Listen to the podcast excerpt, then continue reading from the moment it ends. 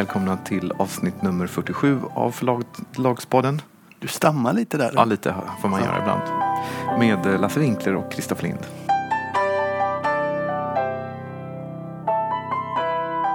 Vi har ju börjat att ge ut böcker, antal manus som vi utger bara i digitalt format. Och anledningen till att vi gör det är för att vi vet att de här titlarna kommer funka i de digitala kanalerna och att det är ett innehåll som folk kommer vilja lyssna på eller läsa digitalt. Men vi vet också att det är väldigt, väldigt svårt för oss att sälja de här i fysiska upplagor som är så stora så att det blir en affär.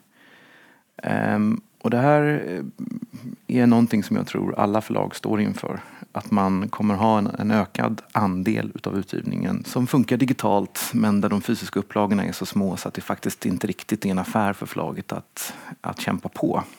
Jag tror att det, hos oss så tror jag att det kommer bli säkert hälften inom äh, ganska kort tid som bara kommer ut digitalt. Men kommer vi som går i bokhandeln märka det? Ja, det tror, jag på, det tror jag. För att frågan är då, vad ska man ge ut i papper?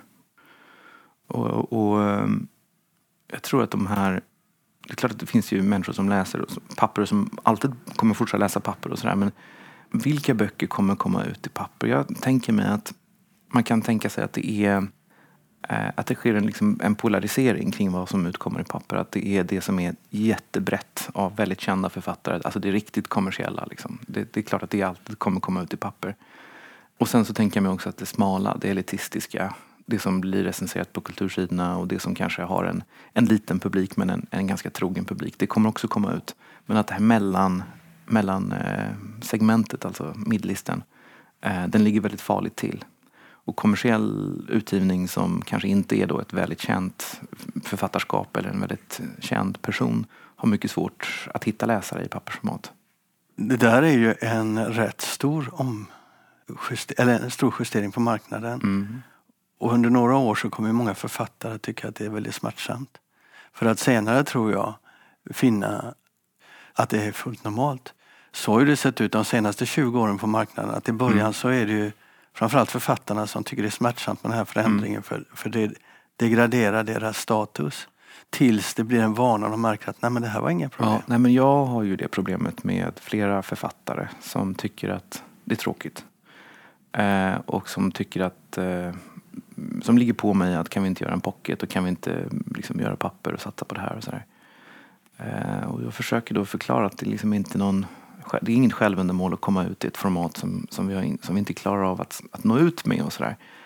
Eh, men jag, jag kommer på mig själv med att också vara väldigt gammaldags och traditionell för att det finns, eh, ja, att man istället för att se det fantastiska och möjligheterna i det digitala så koncentrerar man sig på problemen med att inte kan sälja de fysiska pappersböckerna.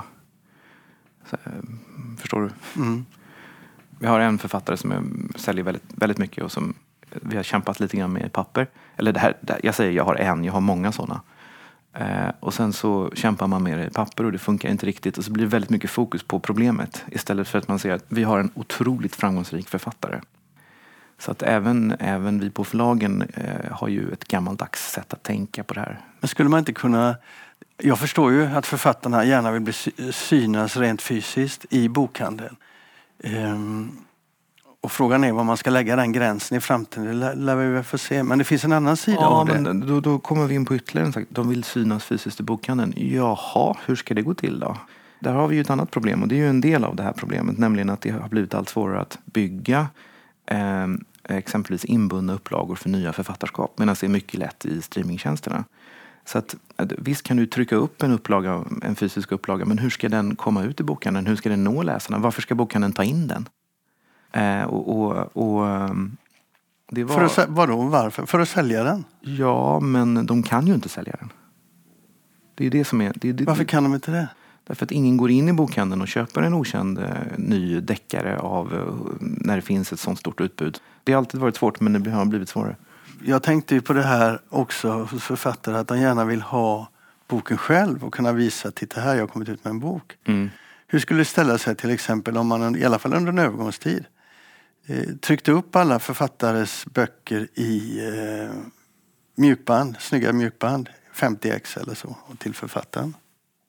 Även om du bara ger ut den digitalt i övrigt? Vad är nu, vänta, vad, vad, vad säger du för något? Jo, alltså många författare, även Mm. om de bara kommer digitalt, de skulle Mm. gärna vilja ha en bok i papper. Mm. Inte bara för att sälja, men också för att ha själva och kunna visa, ge bort. För, för egot så att säga. Och då skulle man kunna ha en standard att man, ger, man trycker upp 50x i papper. Hur dyrt skulle det vara? Eh, ja, det skulle faktiskt vara ganska dyrt. Dessutom så kommer de inte nöja sig med det. Utan när boken ändå redan finns så säger de, men kan inte liksom distribuera den också? Liksom, kan den ändå inte finnas? Då vill de att den ska finnas tillgänglig på Adlibris och Bokus. Och, eh, i, teori, I teorin är det ju väldigt lätt att eh, även om du inte aktivt säljer in en bok och liksom försöker marknadsföra den i fysisk form så kan du alltid liksom lägga upp den i bokrondellen och ha den mm, liksom tillgänglig via distribution. Men då, då hamnar man ju från förlagssidan i ett väldigt konstigt mellanläge. Vad ska vi liksom det blir, det blir väldigt dyrt. Det är väldigt dyrt att trycka upp någonting och sälja några hundra ex. Det är fruktansvärt dyrt. Eh, det blir liksom en hanteringskostnad och det här ser inte författarna. Och sen så har du, eh, sen så har du liksom, eh, du ska lägga upp den här titeln och den ska, de här fysiska exen ska skickas upp till lagret och sen så har du, har du några pallar som står där som inte rör sig och sen så vad ska du göra med dem? Eh, Helst vill man då makulera dem efter tre månader för sen kommer de inte sälja mer. Men det går ju inte för de ska stå där och jäsa i tre år innan du kan liksom gå till författaren och säga att nu ska vi makulera dem innan förf- utan att författaren ska bli ledsen. Så det är jättesvårt. Alltså, man vill inte släppa på den här pappersluck... eh, Liksom, man vill inte släppa på pappret för att det blir bara problem. Ja, det där var nog det mest deprimerande inslaget jag har hört dig säga överhuvudtaget. Eh, Du anar inte, det kommer komma ännu värre grejer.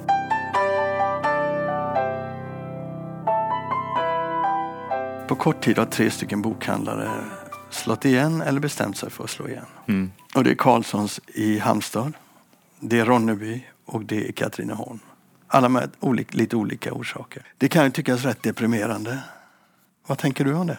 Nej, men jag tänker väl att ja, när man tittar på försäljningen hos de här små, små och oberoende boklådorna, hur den har utvecklats de senaste åren, så eh, tycker jag kanske att det är nästan konstigt att vi inte sett fler konkurser eller nedläggningar. Vi kommer att få se det. Ja. Det kommer flera i år. Jag är Jag, jag, jag, har förvånats. Och sen har vi haft en, en svag julhandel och en svag höst.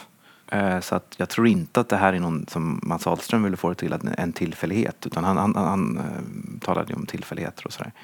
Eh, Utan jag tror att det här är ett tidens tecken. Nu, nu, men, men det är därmed inte sagt att nu, nu är det ute med bokhandeln. Utan det här är ju de, de svagaste som, som har kanske haft det tufft väldigt, väldigt länge. Och det har varit mycket små marginaler i många, många år. Jo, jag tänker så här att de här har ju nu bestämt sig för att nu räcker det. Det är ingen tillfällighet. De orkar inte längre. De ser ingen framtid. Och en del kommer med argument som kanske låter lite konstiga. Att, att, eh, till exempel att dagligvaruhandeln tar alldeles för mycket. De har för bra villkor och nätet. Det är nätets fel och så. Men de här bokhandlarna har ju haft hundra år på sig att anpassa sig och de har aldrig gjort det. Nu ska jag inte prata, Ronneby har inte varit i så jag vet inte. Och Katrineholm var det länge sedan jag var i. Men, men Hans Karlssons tal om att det är nätets fel exempelvis. Det, det är liksom bullshit. Det finns idag på de marknaderna i världen där nätet verkligen är störst. Där eh, går det jättebra för den fysiska bokhandeln. I Katrineholm så skyller de på dagligvaruhandeln och det är fortfarande någonting som jag ofta hör när jag talar med, med oberoende bokhandlare att de, att de klagar på dagligvaruhandeln och det tycker jag är så intressant för dagligvaruhandeln står ju för en väldigt liten del utav, det är bara några procent. Ja, den har ju sjunkit ihop sedan flera år Ja, den har tillbaka. sjunkit ihop och den sjönk nu ytterligare då i 2018 med fem, drygt 5 procent och många tror att det kan, inte ens kommer finnas böcker och. Åhléns har slutat med böcker och det ena så det säger också någonting om att man, man lever kvar i en, med, med en hotbild som var relevant för 20 år sedan. Ja, och lite där tror jag man hittar också svaret till varför de inte orkar längre. Det finns inga visioner i den svenska bokhandeln. Med undantag av en handfull, dryg handfull bokhandlare så finns det inga visioner. Det finns ingen framtidstro. Det finns bara en, en sorg över en, en marknad som bara minskar och minskar. Och man orkar inte möta den verkligheten som är idag. Ja, jag, jag kan hålla med om det men samtidigt så måste man också, vilka krav kan man ställa på människor som ska driva affärsverksamhet? Eh, vi hade med Mats Ahlström i förra podden, eller om det var förra, förra podden och han talade väldigt mycket om erfarenheterna från USA som man ska försöka få med sig till Finland och sådär och han berättade om att man där i USA har man vet vad som driver trafik till bokhandeln och det är att man har olika evenemang författar, annat, ja, författarpresentationer. Han talade till och med om debatter och sådana saker. Att bokhandeln blir som en kultur, eh, liten kultur, ett kulturhus, ett nav, ett intellektuellt nav där den befinner sig. Eh, Och det där är ju fascinerande, intressant och på något sätt självklart att ordnar man med sådana saker så kommer ju folk.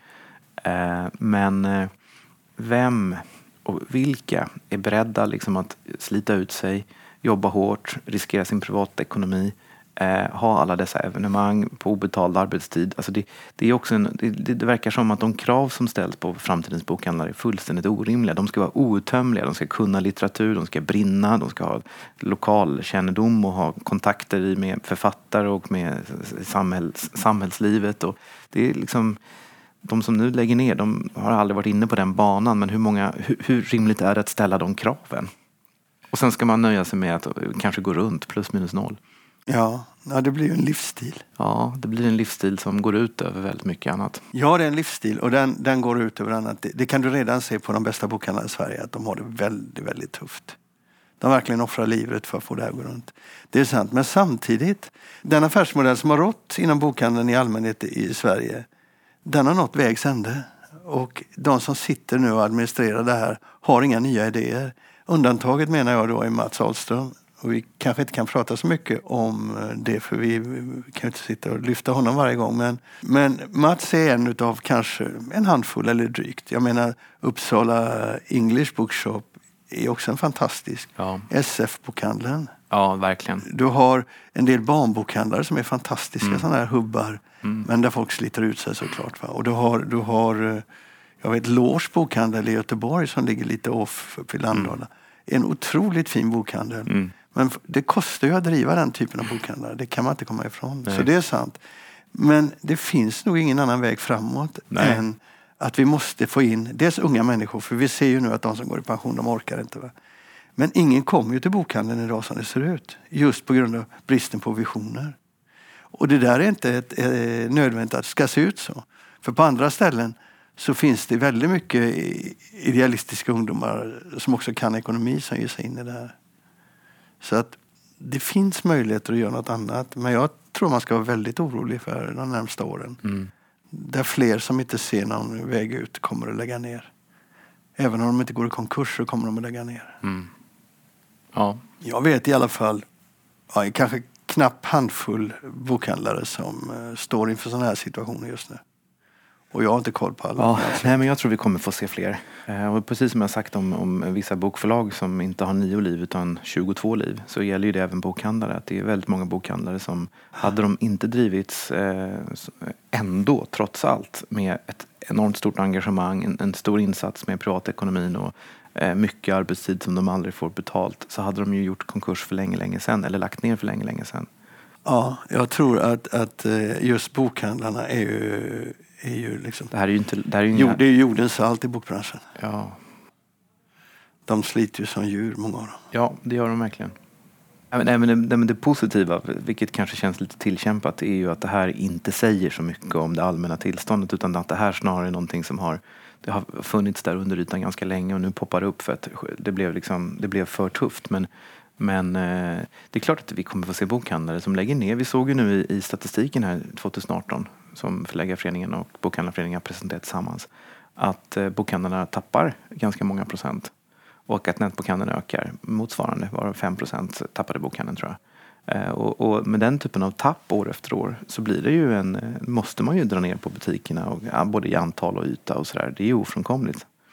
I synnerhet när de redan från början kämpar med en, med en dålig ekonomi. Så att det här är ju inte det, det, är dåliga nyheter men det är nyheter som, som, som är helt ofrånkomliga utifrån den statistik och den kanalförskjutning som vi ser. Ja, jag tillhör det, men Doris, ja, det, det här med det romantiska kommer tillbaka. Men Doris envishet vill jag ju hävda att, att så behöver inte utvecklingen se ut. Den går att vända. Nej, jag tror inte man kan vända utgivningen, igen, eh, vända den, den strukturella utvecklingen. Alltså det är så svårt det här, det är krafter som är så stora. Det är, man kan inte påverka det riktigt. Däremot så tror jag att vi kan säkert kunna ha liv, livkraftiga, livskraftiga och, och, och lönsamma independent-boklådor. Vad jag menar när jag säger det, det är att det går att utveckla en bokhandel som tar tillbaka marknadsandelar även om de aldrig kommer slå ut någon näthandel. Det inte så Men det går att få eh, bokhandeln att växa tror jag, så att den kan bli lönsam.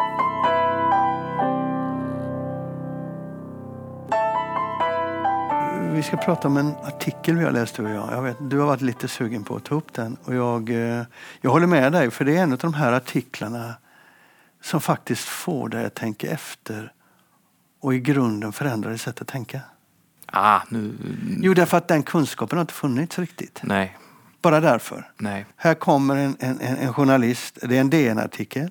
Och det är Kristoffer Ahlström tror jag som gör den. Mm. Eh, han talar helt enkelt om att eh, de strömmade böckerna och de strömmade filmerna, Netflix och streamingtjänsterna, de eh, drar så mycket ström. Så att det här kan enligt vissa experter, om det fortsätter, när utvecklingen fortsätter, kan det bli 2030 eller om det var 2035 så kan det stå för halva världens elkonsumtion. Och han hade också en andra konkreta exempel, alltså redan idag så står, så står den samlade då förbrukningen av el eller elektricitet från de här streamingtjänsterna för ja, det var inte hälften men det var nästan 40 procent av hela USAs, alltså man, totalt i världen 40 procent av hela USAs eh, eh, elbehov. Ja, och då är, då är det inte bara de, eh, kostnaden för att transportera de här strömmande tjänsterna utan det är också kostnaderna för eh, serverhallar, för ja, allting mm. som rör runt det här. Va? Det som fick mig att fundera lite på när, när jag tittar på den här artikeln som jag tycker är väldigt bra. För den hade så många aspekter av det här. Vad ja. handlar det här egentligen om? Så inser man, ja vänta, det här har ju också en påverkan på miljön. Och nu är de här stora aktörerna som gått in i Sverige, Facebook och Amazon, de, här, de köper ju ren, inom mm. situationstecken, men där hade ju Lars Wildering en intressant eh, kritik, ja. kritik, som är väldigt relevant. Ja, jag, blir, jag, blir, alltid så trött på när det står att det här är ren el. Det här hotellet drivs med ren el. Eh, Swedavia eh, som driver flygplatsen Arlanda står överallt på toaletter så här, drivs med ren el. Men det är vad Lars Wildering kallar för greenwashing. Det vill ja. säga att man, man, eh, man köper el som är från vattenkraft och så säger man att det här är miljövänligt och grön el. Men det, har ju inte, det spelar ju liksom ingen roll därför att eh, om Facebook kommer till Luleå och köper upp så mycket el så att kommunen får köpa eh, in kolkraft från Polen istället så spelar ju inte det någon, så, så, så har ju liksom, är den totala elkonsumtionen som är väsentlig så att säga. De tillför ju inte någonting i eh, produktledet, alltså de producerar ju inte egen el. Mm. Den här artikeln är, publicerad den 30 januari och den heter Så påverkar ditt strömmande klimatet. Ja.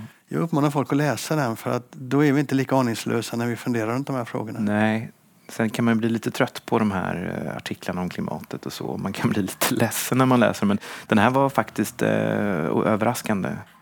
Du var lite skeptisk men när du läste den så blev du själv förvånad. Nej, jag förstod att, att eh, jag lärde mig saker mm. som jag behöver för framtiden. Alltså jag, jag, jag, kommer att tänka annorlunda runt de här frågorna i framtiden.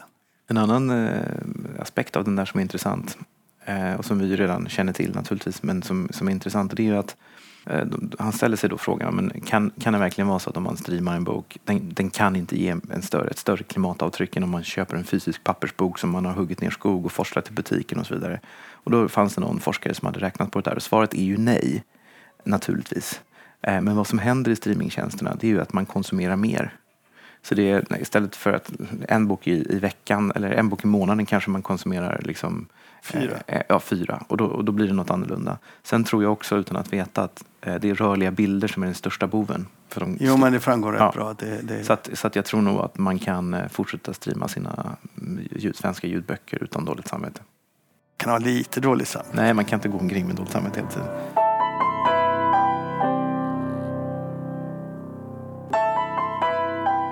Du har ytterligare en artikel som du vill ta upp Kristoffer. Jag vet inte om du blev irriterad eller vad det blev, men det är en debattartikel i, DN som handlar om som har rubriken jag, jag allvarliga fel i många böcker. Jag blev inte irriterad, men jag tycker de har rätt fast de har fel. Ja. Och sen så tycker jag att vi skulle ta upp den för vi har talat om det tidigare. Okej, okay. den heter så här.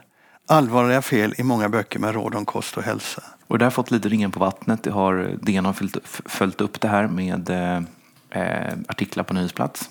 Mm. Bonnie Fakta har blivit lite utpekade och hamnat lite illa. Och deras tes är ju den då att allt för många böcker inom det här området ges ut har allt för ovetenskapliga påståenden och overifierade påståenden mm. som kan vara skadliga. Och förlagen har ett visst ansvar för att det här inte ska eh, ske utan man bör, man bör kontrollera dem bättre. Sen har de ett förslag på hur det skulle gå till med någon slags råd. Ja, någon slags oberoende statlig eh, instans som för att man ska få då den här kvalitetsstämpeln så ska man då ska, ska de göra en bedömning av det här. Eh, och det är väl där som jag tycker att det brister lite grann. Ja, hur tänker du då? Nej, men om man börjar med själva kritiken så håller jag ju med om den. Jag tycker att det är problematiskt. Vi tog ut Thomas, Thomas Erikssons bok mm. eh, i, i podden för rätt länge sedan och i anslutning till det tog vi också upp eh, Ulrika Davidsson som har skrivit en bok om vilken blodgrupp man har och att man ska äta på ett visst sätt och sådär. Eh, och vi tog också upp de här antiinflammatoriska böckerna som har gått så bra, som de också kritiserar i artikeln. Att liksom det, det inte finns eh, vetenskaplig forskning som stödjer det här. Så här. Det är en teori bland många och så. Så att jag tycker också att det är märkligt. Eh, men eh, det svåra här är ju att boken är en Alltså den som är ansvarig för boken är författaren och inte förlaget. Alltså ansvarig utgivare är författaren och det finns jättemånga skäl till varför det är så. Det har vi också talat om tidigare. Eh, det är författaren som har sin konstnärliga frihet och så vidare. En bok är att betrakta eh, rent som upphovsrättsligt uttryck mer som en debattartikel eller som en kolumn snarare än som en nyhetsartikel. Eh, och där måste det finnas en väldigt stor takhöjd. Alltså man måste kunna få framföra teorier och man måste kunna få skriva böcker som att Napoleon aldrig har funnits och sådär. Ehm, sen tycker jag också att förlagen har ett ansvar, kanske att vi borde vara mer självkritiska. Ehm, men också konsumenterna har ett ansvar. Och bokhandeln har ett ansvar. Ehm, att det finns, man kan liksom inte skylla allting på förlagen men, och det är väldigt viktigt att man, att man har den här friheten med, med, med böcker. Det är det ena. Sen det andra, det här med att man ska ha en, ett statligt råd då som säger ja och nej, det är ju helt eh, omöjligt i praktiken. För, alltså dels strider mot upphovsrätten och yttrandefriheten men det, är också, det blir väldigt, väldigt, väldigt, jag har svårt att se det realiseras. Och vilken byråkrati. Fruktansvärd byråkrati. Och sen kommer väl förlagen att få betala för varje, eh, ja. varje kont- ja. och sen, så, och sen kan du ändå inte hindra egenutgivare eller mindre seriösa förlag att ge ut samma bok som kommer sälja lika bra ändå. Thomas Erikssons bok hade ändå blivit en storsäljare. Så, att, så att det, liksom, det, det är ett jättedåligt förslag. Eh, mycket dåligt förslag. Men eh, jag, jag delar deras eh, Oro? ja, indignation är det väl nästan man kan tala om. De tycker det här är förfärligt. Jag, jag tycker det är märkligt hur lättlurade människor är. Men det är inte förläggarnas uppgift att äh, agera censor. Alltså. Sen, sen beror det också på ett förlag som har specialiserat sig på en viss typ av böcker är oftast bra på en viss typ av böcker och kanske har en hög profil och därför granskar de hårdare. Men den här typen av böcker kommer lite överallt. Så är det. Och sen är det ju svårt också om man tar de här antiinflammatoriska böckerna som har varit så framgångsrika. Det är eh, de som Bonnier ger ut, Food Pharmacy, det bygger ju på forskning av en, en, en man som visserligen är eh, åttaårsåldern tror jag, men som är läkare. Um, vad är det han heter? Jag kommer inte ihåg nu, men det är ju, det är ju liksom eh, det han säger är inte okontroversiellt, men det är, men det är ändå liksom bygger på hans slutsatser och Eh, det finns ju mycket andra, andra sådana där även inom, inom GI och sånt. Att det, det, det, behöver, det är inte kanske vetenskapligt i den meningen att man kan hävda det liksom, mot den grunden och så. Men det, det är ändå folk som... Ja, det är svårt, det är svårt att, att bena ner till, till vad funkar vad funkar inte.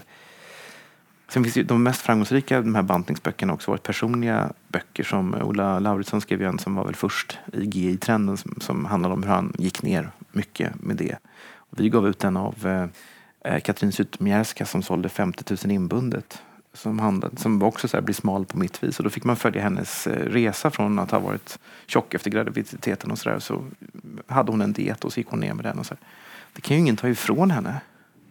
Och hon påstår ju inte att detta är någonting som man mår bra av. Hon säger bara att det här funkade för mig. Så det är väldigt svårt om man ska börja bena ner. Vad är vetenskap, vad är inte vetenskap? Vad påstår man, vad påstår man inte? Eh, sen naturligtvis handlar ju allt om vad man gör för anspråk på allmängiltiga sanningar eller på vetenskapliga förklaringar. Men, men det, är väldigt, det, är väldigt, det är väldigt lätt att säga att förlagen ska ta ansvar. Det är väldigt lätt att säga att man ska inte skriva saker som inte är sant och allt ska vara vetenskapligt förankrat. Men i praktiken så är ju verkligheten lite mer komplicerad. Ja, det tror jag också. Jag tror det, det, är inte, det är inte du alltid, inte sätta en sån Nej, det är inte alltid så lätt. Nej. Vi, hade en, en, vi gav ut en bok nyligen. Eh, en översatt bok som handlar om eh, hundens historia. Och där hade vi en av eh, hundens liksom, eh, biologiska ursprung och sådär. Och där hade vi en av de ledande forskarna i Sverige som var faktagranskare. Sen skickade vi den här boken till Härliga hund. Och så fick vi ett Vad är Härliga hund? Härliga hund är en tidning. Okay. Och så fick vi ett sånt där otroligt obehagligt eh, mejl från chefredaktören på Härliga hund. Eh, som bara liksom sa att det här var det sämsta hon hade läst och hur kan vi ge ut den här skiten och, och bla bla bla. Och så hade hon massa exempel. Och vi blev ju, när man får ett sånt så blir man ju helt som förlag helt liksom förtvivlad. Och så började vi gå igenom det där, vad hon, vad hon påstod. Och, och kom fram till att det var väldigt lite som egentligen eh, var fel. Och det handlade rätt mycket om hennes in, alltså det handlade om inställning till hundar och bla bla bla. Men när, man, när vi gick in på själva den här faktadelen, den biologiska evolutionsdelen, så, så, så stämde det ganska mycket bra. Och Det ni hade det, det, vi hade, det som stod i boken. Och det problematiska där är att vi har då alltså en bok som är skriven av ledande forskare och sen så har vi dessutom då en, en svensk eh, ledande biolog som har forskat på hunden och vargens ursprung som faktagranskar boken. Och sen så landar den i händerna på den här journalisten som tycker att det här var en oseriös bok. Det finns inte så mycket mer man kan göra från förlagssidan. Sjönk den boken då? Nej, hon skrev aldrig någonting om det. Jag tror inte det är så många som läser Härliga hund. Men eh, det finns alltså fakta som är... Ett, en av de saker som hon blev väldigt upprörd över det var att i boken stod att vargen, eller, vargen var så gott som utrotad i Sverige. Eh, vad säger du om det påståendet? Till stora delar utrotad i Sverige stod det i boken. Nej, alltså det stämmer ju. Det beror på var du tar ditt avstamp ifrån. Ja, exakt. För, när, när, när, först när vi såg det så tänkte vi så här, hur, hur kan det komma sig att ingen har upptäckt detta? Hur kan inte redaktören eller korrekturläsaren eller faktagranskaren upptäckt detta? Men det beror helt på var du tar ditt avstamp ifrån. Vargen är i stort sett utrotad söder om Dalälven. Det finns inga vargar i Skåne. Och totalt sett så har vi 300 vargar i Sverige. Bara i Toscana finns det 12 000 vargar. Så det beror helt på var du har ditt avstamp ifrån och hur, hur Det du är ser. 12 000 vargar i Toscana. Kanske överdriver nu, men vi vet att det finns många tusen vargar i Toscana. Det står aldrig i, turistbroschyrerna. Nej, men det är hela Europa är fullt av varg. Okej. Det är i Sverige vi har den här inställningen att, det, att vi har väldigt mycket vargar. Nu, nu kommer vi verkligen ut på ett sidospår, men jag menar bara att det är väldigt lätt att säga att förlagen tar inte sitt ansvar och fakta stämmer inte. Sen när man börjar förhålla sig till vad är fakta, vad är vetenskap? Jag försöker inte relativisera nu på något sätt. Eh, men det blir väldigt, väldigt komplicerat. Och det här tror jag att det är ganska viktigt att man har en ansvarig utgivare och det är författaren. Sen klart att förlaget har ett ansvar, och ett rykte och ett renommé att ta ställning till. Men det är ytterst författaren som är ansvarig. Och jag tror att den här frågan hade drivits framåt mycket bättre om de här forskarna hade gått rakt på eh, en konkret bok och tagit striden och tagit debatten. Kanske försökt ha som ambition att få boken indragen. Det hade gynnat branschen mer än att skrika på en statlig övergranskningskontroll. Är du klar? Mm. Du somnade där och tyckte nu drog jag iväg som vanligt.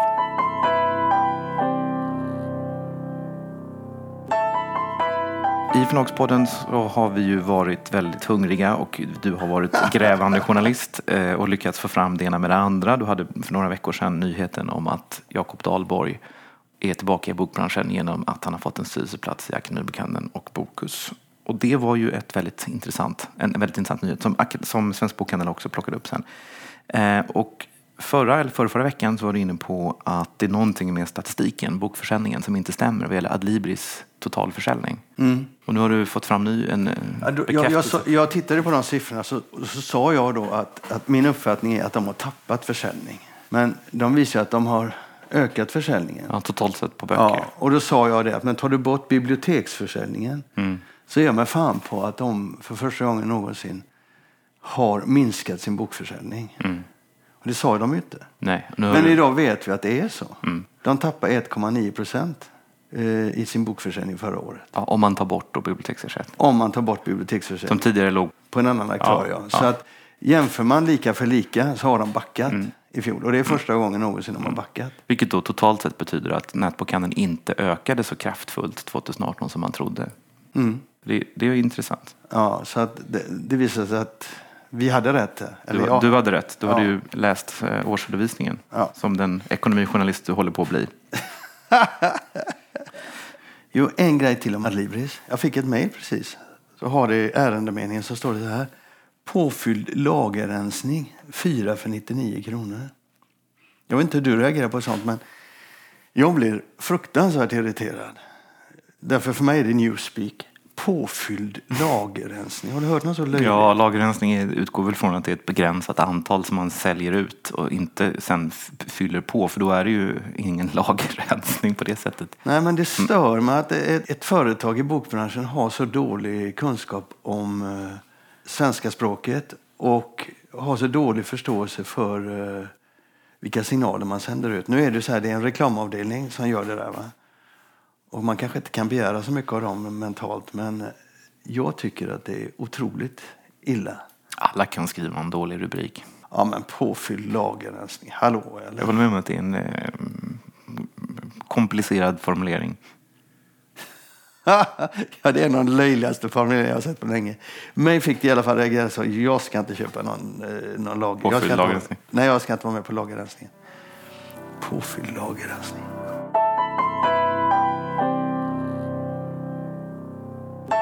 För er som lyssnar nu så kan det finnas en del biljud som ni inte är vana vid när man spelar in. Men det är att vi sitter faktiskt i en bil och gör det här samtalet. Robert Tam och jag. Robert som tidigare har jobbat både inom Bokia och Bonniers eh, på högsta nivå på marknad och försäljning. Eh, och du var på Bonniers, Robert, mellan 2000...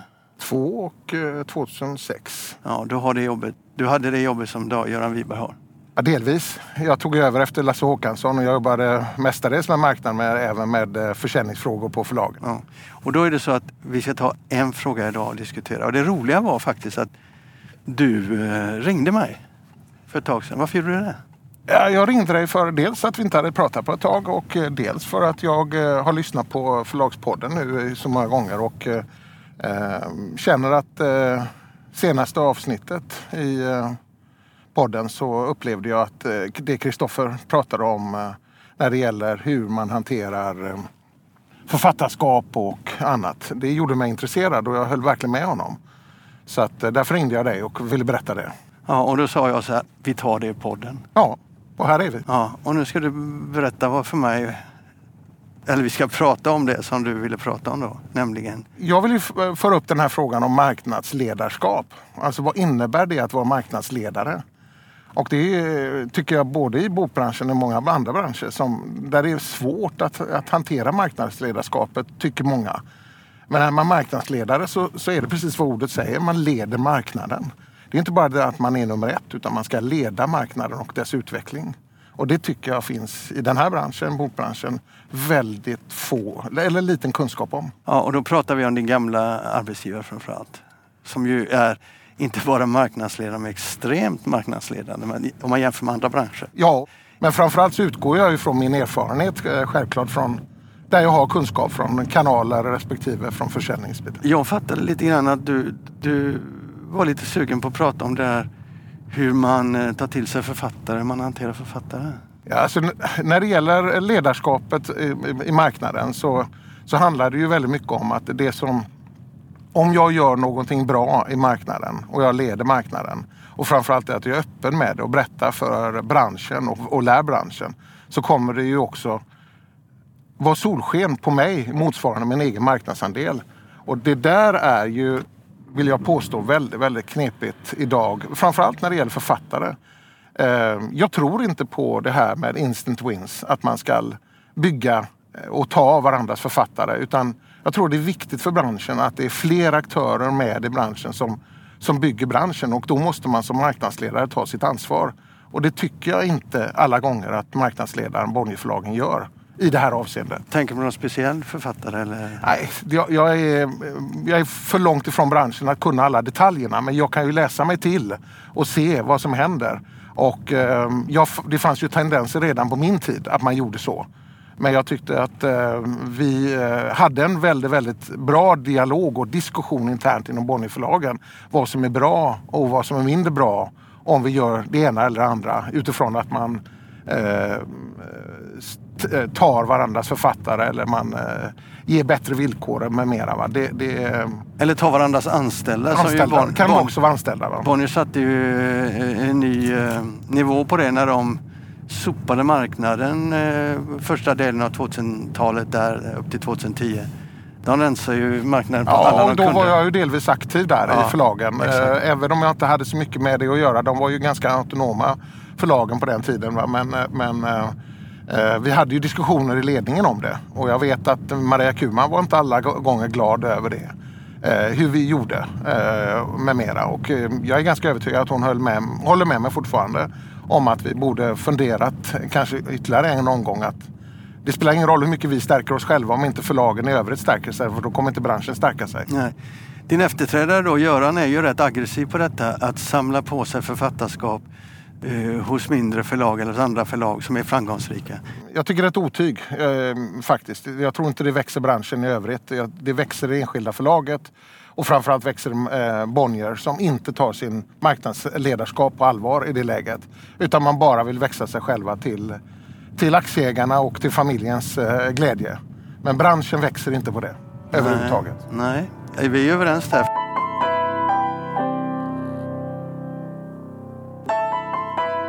Det där var Robert Tam. Ja, det var väldigt intressant. Jag är ju omskakad. Varför det? Nej, men jag tyckte att det här var väldigt tänkvärt. Ehm, dels är det naturligtvis omskakande att en för detta Bonnier-direktör så kraftfullt och så modigt kritiserar Bonnier. Dels och framförallt så tycker jag det är intressant att han kritiserar dem eh, inte utifrån den utgångspunkt som vi har haft utan utifrån en, en mer analytisk och rationell Eh, punkt. Vi har ju varit kritiska till att man tar författare från andra förlag eh, lite moraliskt och etiskt. Vi tycker inte att det är schysst. Men han menar ju på, eh, han höjer ju nivån på den, den, den infallsvinkeln och säger att det här handlar inte bara om det utan det handlar om att om man tar författare från varandra och erbjuder dem lite bättre betalt så bidrar man inte till någonting utan det enda som händer är att det förlaget som har tagit över den här författaren kanske tjänar lite mer pengar det året. Men på sikt så får man bara sämre lönsamhet, man får eh, mer missnöjda författare, man får ett hårdare klimat och branschen växer inte att det utvecklar inte branschen. Det är som ett nollsummespel där man bara pingpongbollar hit författare dit. Och det tycker jag är en väldigt intressant eh, reflektion. Inte minst mot bakgrund av att jag gissar att det är det som Stordalens nya förlag kommer göra. Mm. Vi ska säga då att det samtalet hade jag med Robert Tam innan det här senaste utspelet från Stordalen med Forum de andra kom. Ja. Och vi berör ju inte det i samtalet överhuvudtaget Nej. utan vi pratar bara Bonniers. Han hade några saker till han pratade om. Jag tänkte vi pytsar ut dem efterhand. Ja, det där var väldigt, eh, jag tyckte det var väldigt intressant. Det är just det här att vi eh, borde tänka mer på hur vi utökar den totala marknaden istället för att ta från varandra. Det, det är väldigt tänkvärt. Det är svårt naturligtvis i praktiken att se exakt hur man ska göra men att lägga så mycket fokus på, på att ta från varandra är ju inte något som utvecklar marknaden. För det här var avsnitt 47. Mm. Och det här kommer att sändas dagen innan, eller samma dag som eh, bokmässan i London börjar. Alltså den tjuvstartar på måndagen. Eh, och vi kommer ju vara i London. Yes. Så nästa avsnitt av eh, Förlagspodden kommer att vara väldigt mycket vad händer internationellt. Vi ses. Det gör vi.